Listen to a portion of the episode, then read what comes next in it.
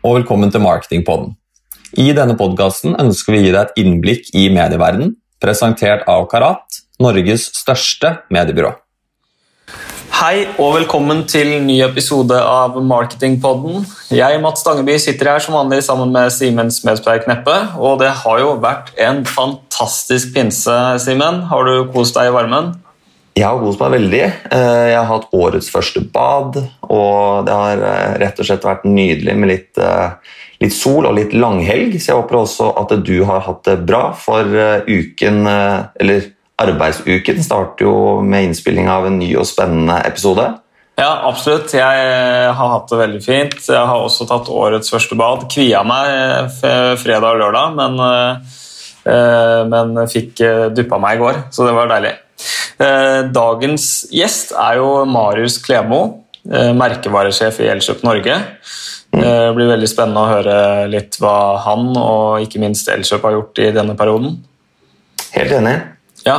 Mm. Da ringer vi inn. Ja. Og da har vi fått med oss dagens gjest inn i møtet her, altså Teams-møtet Marius Klemo, merkevaresjef i Elkjøp Norge. Velkommen til oss. Så hvordan er eh, arbeidssituasjonen nå? Er det fortsatt hjemmekontor, eller får du lov til å slippe tilbake på de vanlige kontorene deres? Vi har fremdeles ganske strenge retningslinjer. Det skal skje en endring eh, som skal kommuniseres eh, neste uke, hvis jeg ikke husker helt feil, den 15. Så vi sitter jo på sånn firestjerner på kontoret hvor vi lar det sitte én eh, på hver stjerne.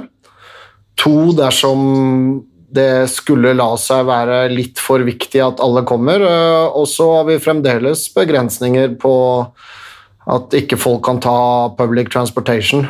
Jeg er så heldig at eh, jeg mm, går til kontoret, og så er det jo et privilegium å være sjef, så da har jeg bestemt at her kan jeg sitte. Høres veldig deilig ut. Det er deilig å eh, vandre, på, vandre til kontoret i de dagene her når det er så fint vær, så det, det unner jeg deg. Eh, vi må jo litt inn på det. Det er jo, en, eh, det er jo dette korona, koronaviruset som har, som har prega hele, hele, verden. Hvis du tenker tilbake nå, hva var det første dere gjorde når dere oppdaga det? og Hvordan reagerte dere på korona? Vi, jeg skal være såpass ærlig og si at vi var ganske heldige. Eh, vi hadde planlagt en samling av hele ledergruppen allerede 8.-10. mars. Og Det var jo før det egentlig var kommet noen retningslinjer fra myndighetene overhodet, men uh, vi, vi var forutinntatte og brukte de tre dagene til å legge en detaljert plan. Uh, vi hadde allerede vårt søsterselskap i Hellas som eh, var mer påvirket enn det vi hadde vært i Norge, og vi så konsekvensen av lockdown. Så vi satt i tre dager og planla rett og slett alle mulige scenarioer. Eh, og så har det jo selvfølgelig vært veldig mye korrigering underveis som man har lært av eh, hva som faktisk skjer. Og så har vi jo morselskapet vårt i Storbritannia, som har vært mye mer påvirket av korona enn det vi har vært, der eh, alle våre butikker har vært stengt. Men, eh, men det privilegiet at vi faktisk la detaljplaner eh, allerede den 8. til 10. mars, har gjort at vi var nok bedre forberedt enn de fleste selskaper. Mm. Det er veldig, veldig, veldig spennende å høre, og dere er faktisk de første vi har snakket med som eh, som har på en måte hatt litt planlagt flaks. Eh, så det også er, jo, er jo også veldig interessant. Eh, jeg lurer litt på eh, Midt oppi dette så har jo alle godt av gode samarbeidspartnere. Eh, og forhåpentligvis er vi en av de. Eh, så jeg lurer egentlig på hvordan har samarbeidet deres med Karat vært oppi denne perioden? Mm. Um, til tross for at vi i Norge har hatt uh, veldig gode salgstall, så har vi jo vært sterkt påvirket av at morselskapet vårt har vært i lockdown. Så samarbeidet med Karat har jo av uh, en nødvendighet uh, eskalert til det positive, for vi har måttet sitte i daglige møter. Rett og slett fordi det har vært litt usikkerhet rundt likviditetssituasjonen vår. Eh, så jeg har eh, vært avhengig av at teamet til eh, Karat til enhver tid har kunnet snu seg rundt. Så vi har hele mitt team på marketing-siden med kjerneteamet i Karat har jo da hatt Teams-møter, gått gjennom planer og fokusert på besparelser alle de steder vi følte at det var mulig å kunne kutte uten at det påvirket salget.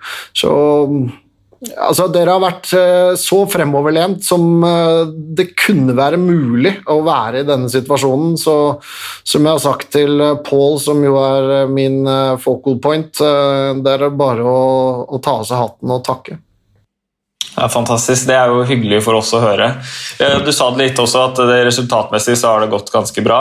Eh, hvis du vil, hvis du skal, og Nå er vi på ingen måte ferdige med dette, men vi har jo kommet et godt stykke ut, og det begynner jo å, å slippe opp litt i Norge. Hvis du skal oppsummere denne perioden fra det brøt ut til nå, hvordan syns du det har gått totalt sett? Bedre eller dårligere enn det du hadde tenkt, eller er det sånn cirka sånn du tenkte at det skulle gå? Det har gått eh, langt bedre enn det vi hadde fryktet. Det må jeg ærlig innrømme. Uh, og det er jo en kombinasjon av uh, å være godt forberedt og også en kombinasjon av flaks. Det er jo et privilegium å kunne jobbe i en bransje som har levd av å selge produkter som mer eller mindre har solgt seg selv i denne perioden. vi ser jo at vi har økt markedsandelene våre, så noe riktig har vi gjort. Men jeg tror jeg tror det som ikke er flakselement her, da, som er litt tilbake til dette med gode forberedelser um, Det å sette kunden i fokus, som vi har gjort, og samtidig sette de ansatte i fokus, det vil jeg bare understreke at det tror jeg er uh, eksepsjonelt godt håndtert av varehusene våre i denne perioden. Vi, vi har jo gjort store investeringer Eh, på å ivareta sikkerheten til alle kunder, både med desinfisering, barrier tech på produktene våre, merking eh, av regelsett, oppmerking av avstands... Eh, vi har investert i pleksiglass. Vi har hatt digitale apper for de ansatte for å kunne få kontakt med leger, så de skulle slippe å måtte gå ved bruk av en app som heter Eier. Men også dette å ta den rollen eh, ut mot kunden og kunne gjøre investeringer. Jeg vet ikke om dere har fått med dere dette med særlig tre tiltak vi har investert i. Dette med mm, at vi gjorde om klikk og hent til at kundene kunne få levert produkter eh, ved å kontakte varehuset og få det levert enten gjennom vinduet eller faktisk åpne bagasjerommet dersom de var engstelige.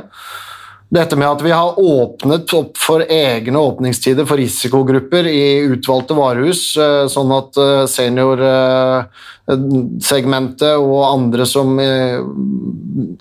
kanskje hadde astma eller andre pustebesvær, kunne komme og føle seg tryggere og bedre ivaretatt med mindre kunder i butikken, og dette med at vi også lanserte en liveshopping-variant hvor eh, vi faktisk kunne skape en virtuell kundeopplevelse eh, gjennom at ansatte har tatt med seg da, et kamera i butikken og kunne beskrive produktene på en mer eh, live-versjon enn man kan gjøre på en ren ekom-plattform. Det tror jeg har vært med til å bidra til at vi har blitt et preferert utsalgssted. Og så vet jeg jo samtidig, i regi av eh, mange år eh, i bransjen og mye akademisk bakgrunn, at den største og mest anerkjente aktøren vil nødvendigvis være det stedet kundene prefererer å handle hos pga. sikkerheten og at man skal kunne ivareta de kundefordelene og de kundekravene man har. Så, sånn sett så har vi nok vært privilegert, men salget har gått vesentlig bedre enn forventet. Vi, vi hadde scenarioplaner på nullsalg. 20% salg, 50% salg, 70% salg, og var klare til å skru på eh, tiltak for å eh, imøtekomme ethvert scenario. Nå mm. har jo Simen og jeg snakket, om, eh, snakket, med mange forskjellige bransjer, og de, eh, det vi har kommet eh, med som en slags konklusjon, er at hvis man har mulighet til å fortsette å tilpasse seg og være fleksibel, så er det det absolutt beste. Det, og Var det noe alternativ for dere på noe som helst tidspunkt å stoppe med annonsering? Eh, ikke så lenge vi satt i den likviditetssituasjonen vi gjorde. Men vi hadde en plan på det også, dersom det rett og slett eh, ble nødvendig. Men eh, vi tror jo at både det å fortsette med merkevarebygging og annonsering lønner seg på sikt. Eh, du må være tilstedeværende for å ivareta den top of minden som skal sitte hos kunden, og at du skal være den prefererte merkevaren. Men, men, ja, dersom ting hadde blitt verre i Storbritannia, så hadde vi et scenario på det også. Og den største endringen var jo at vi faktisk eh, fokuserte nesten 100% på taktisk annonsering og, og skrudde av nesten all merkevarebygging. Og, og, det ville vi nok ikke gjort dersom vi hadde 100% kontroll på likviditeten kun i Elkjøp, og ikke den usikkerheten om hva som skjedde eh, over elva. Mm. Mm. Det er veldig morsomt å høre, altså. Dette er jo en periode eh, som ekstremt mange har lært veldig mye, og det har, eh, nok også, det har nok også dere gjort. Eh, er det noe av det dere har lært som dere kommer til å fortsette med? Altså Noen på læringer dere har på sett på som ekstremt eh, lærerike? Litt tidlig å si, vil jeg si. Um, det vi ser, er at enkelte av disse tiltakene de, de eskalerte veldig. Ta klikk og parkeringsplass. Uh, den første uken vi lanserte det, så gikk det fra 0 til 30 transaksjoner. Og så hadde vi uken etter så hadde vi sånn eh, på det meste 250 transaksjoner via klikk og parkeringsplass daglig. Eh, det er nå tilnærmet gått ned til eh, det nivået det var på den første uken igjen. Vi ser det samme med liveshopping.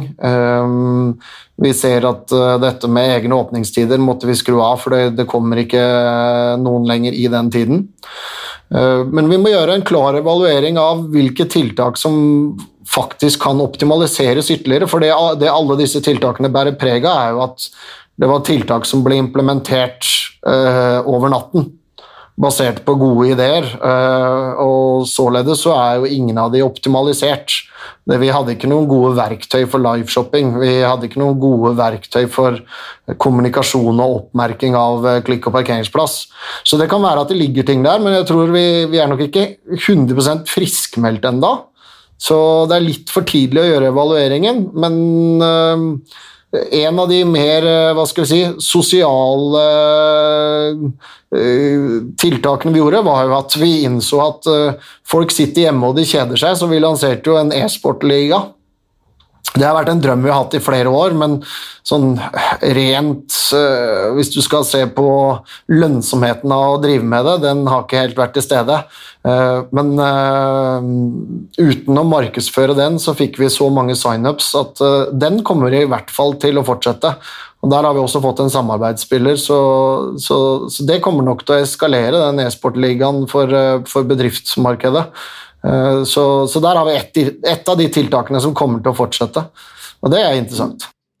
Ja, E-sport det tror jeg har kommet for å bli absolutt. så Det er jo en del ting som eh, tvinger seg frem, som gjør at man må agere raskere. Så får man heller tilpasse det eh, etter hvert.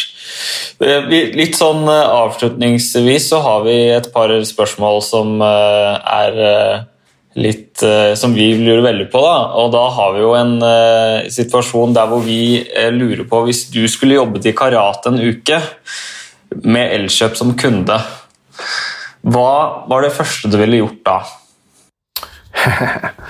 ja, um, nå er det sånn at jeg nok ikke er så veldig tradisjonell i mitt tankesett på hvordan jeg ville angrepet den situasjonen. Jeg sitter med en formening om at eh, mediehusene de må fokusere veldig på innovasjon og kreativitet. Eh, samtidig som det absolutt viktigste dere gjør, er jo å sette dere inn i klienten og, og klientens kunders hverdag. Så hadde jeg sittet på motsatt side, så tror jeg jeg hadde delt opp eh, i, i to arbeidsstrømmer. Hvor jeg hadde forsøkt å kartlegge både klientens arbeidsmetodikk mot å forstå kundens behov, samtidig som å jobbet direkte med å forstå kundens behov.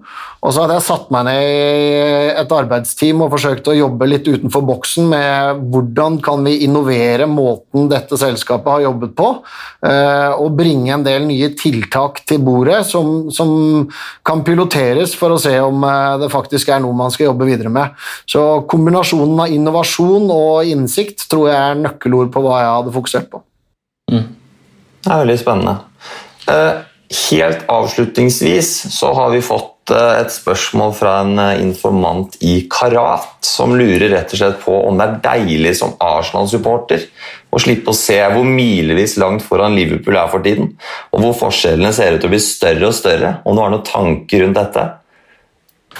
Uh, ja um, Det kan ikke ha vært Paul. Um, så Nei, eh, jeg pleier å si at man kan ikke lykkes på alle fronter. Eh, akkurat nå er jeg veldig tilfreds med at hverdagen hjemme har blitt normalisert, og at eh, Elkjøp gjør det veldig bra. Og så får vi håpe at Jeg har ikke helt troa på at Arsenal klarer å ta igjen det forspranget noensinne, skal jeg være ærlig, men det er jo lov å drømme. Ja, jeg er Liverpool-supporter selv, så det spørsmålet kunne jo kommet eh, fra meg også. Jeg har jo venta 30 år, og jeg er veldig glad nå for at det, det blir oppstart 17.6. Så, så får vi håpe at det ikke ryker, for da kommer jeg nok ikke til å se en fotballkamp igjen hvis de skal rote bort det, det ligagullet nå. Men uh, da tenker jeg vi er uh, ferdige. Det var veldig mye god informasjon og veldig interessant å høre på deg, Marius. Så håper jeg du syns det var hyggelig å være med. Veldig hyggelig. Tusen hjertelig takk. Tusen takk. Da får dere ha en fin dag. Takk i like måte. Ha det bra.